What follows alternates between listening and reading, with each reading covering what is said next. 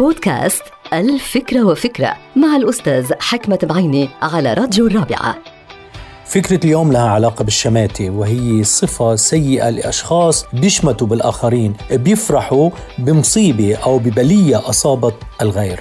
وفعلا هذه الصفة سيئة جدا وفي أشخاص بيمارسوها داخل المنزل مع الجيران في الحياة الاجتماعية وأيضا في بيئة العمل. احذروا الشماتة. لأنها صفة سيئة جدا في كل المجالات وفي كل القطاعات وفي كل الأحوال وفي كل الأوقات. انتهت الفكرة. هذه الحلقة مقتبسة من كتاب الفكرة وفكرة.